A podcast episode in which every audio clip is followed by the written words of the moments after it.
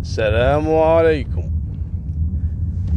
عاد هذه حين قصة السهرة.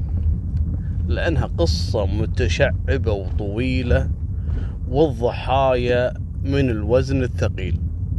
يعني بالعربي بعطيكم حتى ماني قايل لكم سالفة بقول لكم أول ضحية كان وزير التجارة الكويتي السابق. اخلص. وشخصيات لو تعرفونها تقولون إذا هذول هم المنصوب عليهم. أجل الناس هذه شو تسوي المساكين؟ شنو السالفة أبو طلال؟ أنا أقول لكم السالفة. طلعت شركة طبعا هم ثلاث شركات ركزوا معاي. الشركة الأولى اللي إحنا بنتكلم عنها واللي ضحاياها الناس الفقراء المساكين اللي يحلمون أو عندهم طموح إنهم يصيرون أثرياء وأغنياء. شركة اسمها KBM شركة KBM هذه بدت عمليات النصب على الناس عن طريق شنو؟ بيع العقارات في الكويت. شو يبيعون؟ قام هذا زعيم هالعملية زعيم الشركة هذه وهو نائب مجلس أمة سابق. أنا كل شوي تنصدمون أنا عارف. هذا أسس له شركة مكونة من مجموعة من الأشخاص. قاموا يعلنون الشركة هذه ال KBM عن بيع الشاليهات. الشاليهات مثل آه، في بعض الدول يسمونها الاستراحات لكن على البحر. بقيمة ستين سبعين ألف دينار كويتي. تقريبا عاد الحين أضيع بالمبلغ وتواطوني يعني ميتين وأربعين ألف دولار تقريبا.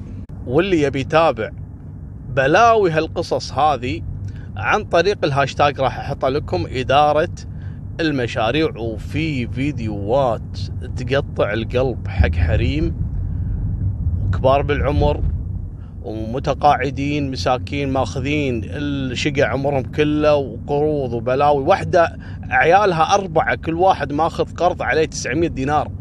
وماخذين فلوسهم مو قادرين حتى يدفعون الحين إيجار بيتهم. بلاوي أنا ما أبي أسولفكم. المهم الشركة هذا إيش قامت تسوي؟ تبيع لهم الشاليهات. في ثلاث طرق. في طريقة إنك تاخذ الشاليه تتملكه. وفي الطريقة الثانية انك تشتري شاليه وهم يستثمرونه لك ويعطونك العوائد الشهرية. وفي الطريقة الثالثة انك تتملكه بعد ما يتم بنيانه وهم يردون يشترونه منك أو إذا تبي يستثمرونه منك. أنت كيفك؟ لك ثلاث طرق تدفع ستين سبعين ألف دينار على الشاليه. ماشي؟ ماشي. الناس اشترت. وفعلا راحوا يشوفون المكان قاعد ينبني. اللي هو الأساسيات اللي يسمونها الصبة السوداء هذه حق البنيان شاليهات نفس البيوت أو فيلا صغيره سنة سنتين وقف المشروع. لما يعطيهم عقود يعطيهم عقود موثقة من آه، وزارة التجارة بناء على تصديق توقيع الشركة. لكن ما يعطيهم مخطط البلدية والشغل الهندسة مال الهندسة لا لأن للحين ما استلم الوثيقة. أنت فاهمين شلون الفكرة؟ فالناس مصدقه وفعلا اشتروا. بعد سنتين وقف المشروع. قاموا يشيكون والناس تطالب وين ونبي عقودنا ونبي كذا. يعني شوف للحين عندهم طموح إنه يستلمون فعلا. هم زعلانين ليش متأخرين؟ هني حصلت الطامة الكبرى. شنو الطامة الكبرى؟ واحد شاري شاليه وعشرة شارينه كذلك معاه يعني 11 شخص شاري نفس الشاليه آه خمسين واحد مستثمر نفس الشاليه آه 15 واحد متملك نفس الشاليه هني كانت صدمة. يعني الناس خلاص تبي تنتحر من الدمار اللي حصلت. يا ريت كانت على هالسالفة. السالفة ما فيها إن في بعضهم مو فعلا تملك الشاليه وطلع معاه عشرة أشخاص. لو إنه يرضى باللي حصل وانه توزع النصيبه يعني بالشاليه على 11 شخص ما عنده مشكلة. المصيبة إن الشاليه هذا مبني على أرض أصلا ما هي حق الشركة اللي باعته.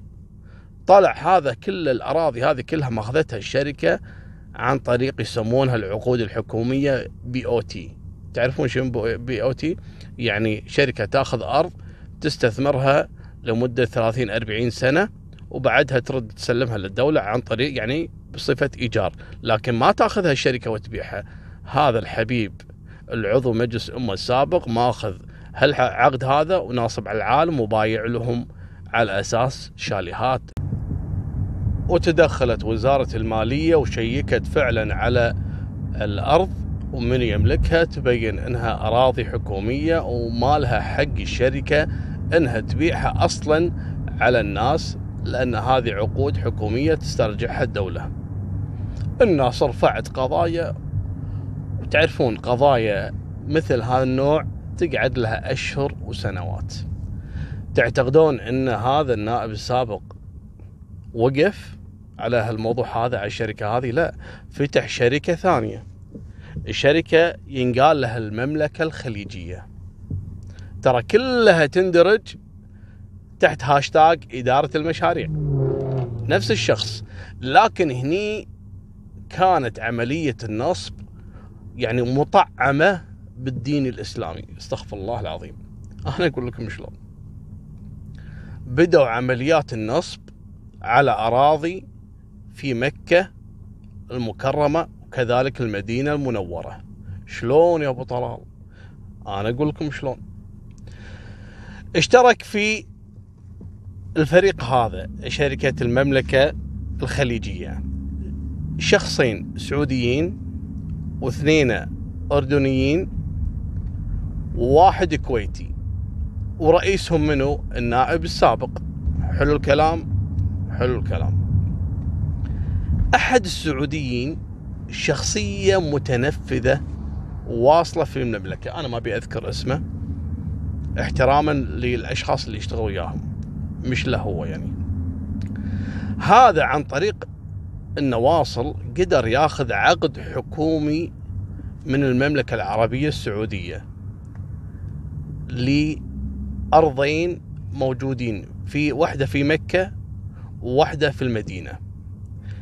مع أن الأرض اللي موجودة في مكة المكرمة لفندق لكن فندق مهجور آيل للسقوط. يعني المفروض إن هذا الفندق يتم إزالته. فقدر إنه يحصل على عقد مثل نظام الكويت بي أو تي اللي هم يسمون العقود الحكومية للاستثمار بعدين يرجع للدولة. وجاب هال ارضين حق منه المتهم الخامس الكويتي اللي قلت لكم غير عضو مجلس الأمة السابق لا الخامس الكويتي. هذا الكويتي أخذ الأرضين من السعودي المتنفذ أحد الأشخاص المتنفذين ماشي؟ واحدة بمكة فندق آيل السقوط والثانية أرض فضاء في المدينة منوره إيش سوى؟ طبعا الفندق الايل السقوط هذا خلاص ما قال للناس إن هذا ايل السقوط وكذا لا قام وباع وحدات اللي هي شقق فندقية أو مثل ما تقول يسمونها الشقق القريبة من الحرم باعها على شكل آه، بيع وكذلك استثمار بعيد المدى للناس. أما الأرض اللي في المدينة هذه قصتها قصة ثانية، إيش سوى هذا الكويتي؟ راح هناك المدينة وفتح له مكتب فخم.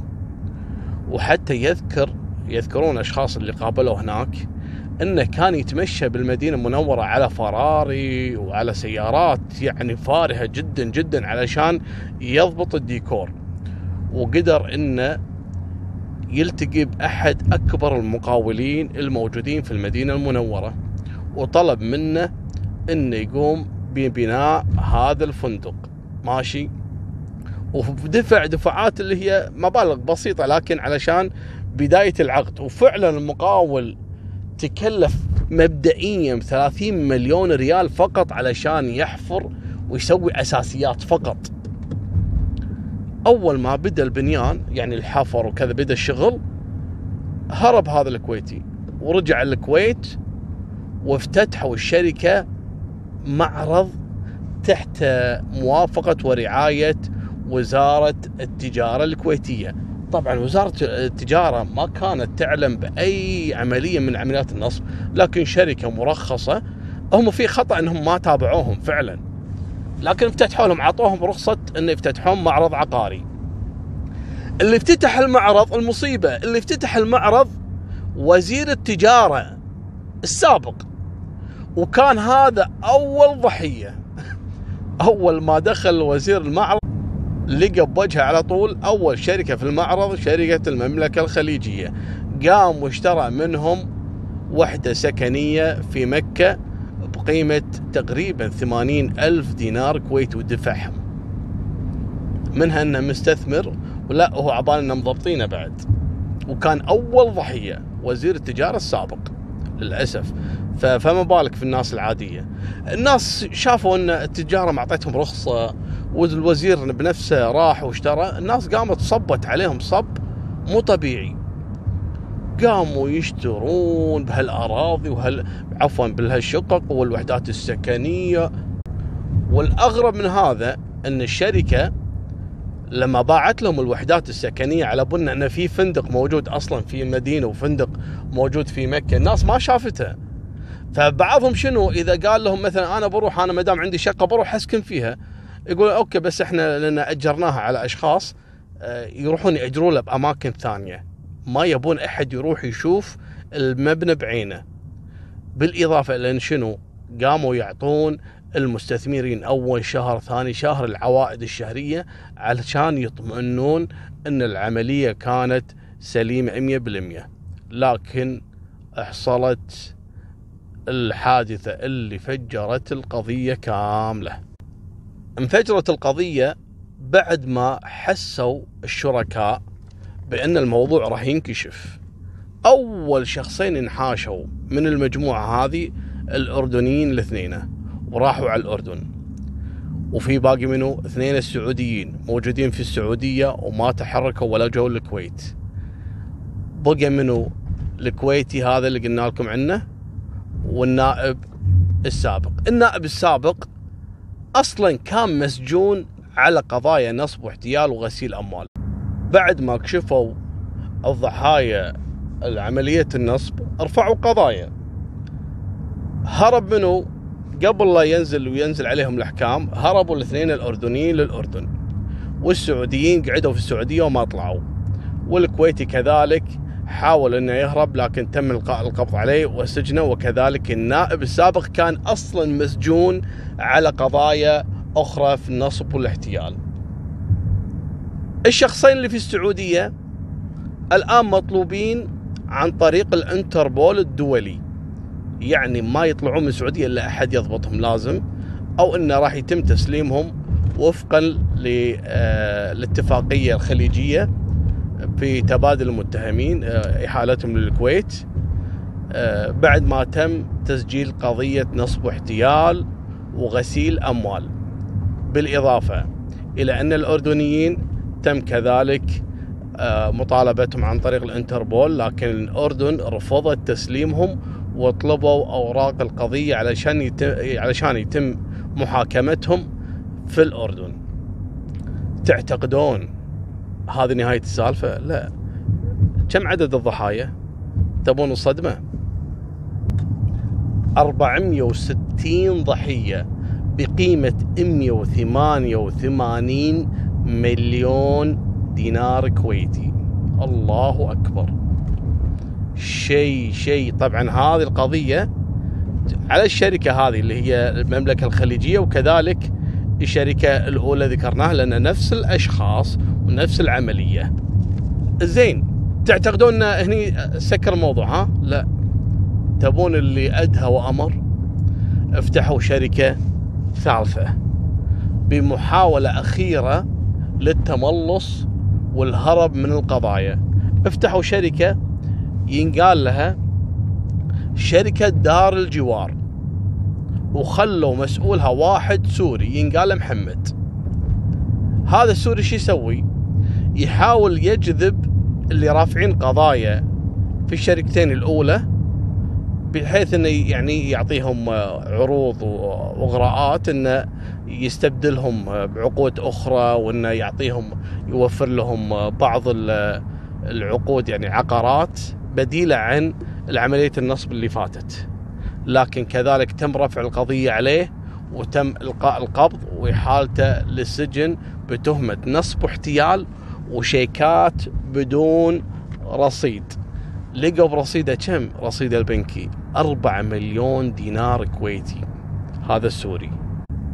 ولا زالت القضية متداولة في المحكمة على الشركات الثلاثة وكان مسؤولهم واحد اللي هو قلنا لكم النائب السابق لكن هالقصة هذه افتحت بيبان ما تسكر اكتشفوا وجود 48 شركة عقارية تنتهج نفس النهج هذا. والنصب هذا اللي قاعد يستغلون في العالم يبيعوا لهم عقارات في الإمارات في السعودية في تركيا في ما أدري وين.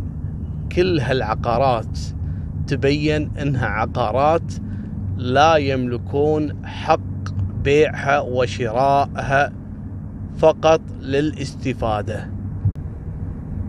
وصلت المبالغ المنصوبة على الناس فيها ثلاثة مليار دينار كويتي. عدد الضحايا المنصوب عليهم 11 ألف ضحية. أسر في الكويت الحين تحت خط الفقر. يعني مو قادرين حتى أنهم يعيشون مثل البشر.